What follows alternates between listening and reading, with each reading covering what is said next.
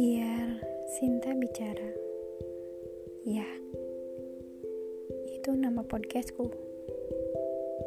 Hai, namaku Sinta. Hmm, isi-isi podcastku akan banyak cerita tentang kehidupan yang pernah aku lalui. Selamat mendengarkan ya. Gak boleh bosan. Jaga kesehatan. Sekarang mulai mewabah virus corona. Stay at home ya. Bye.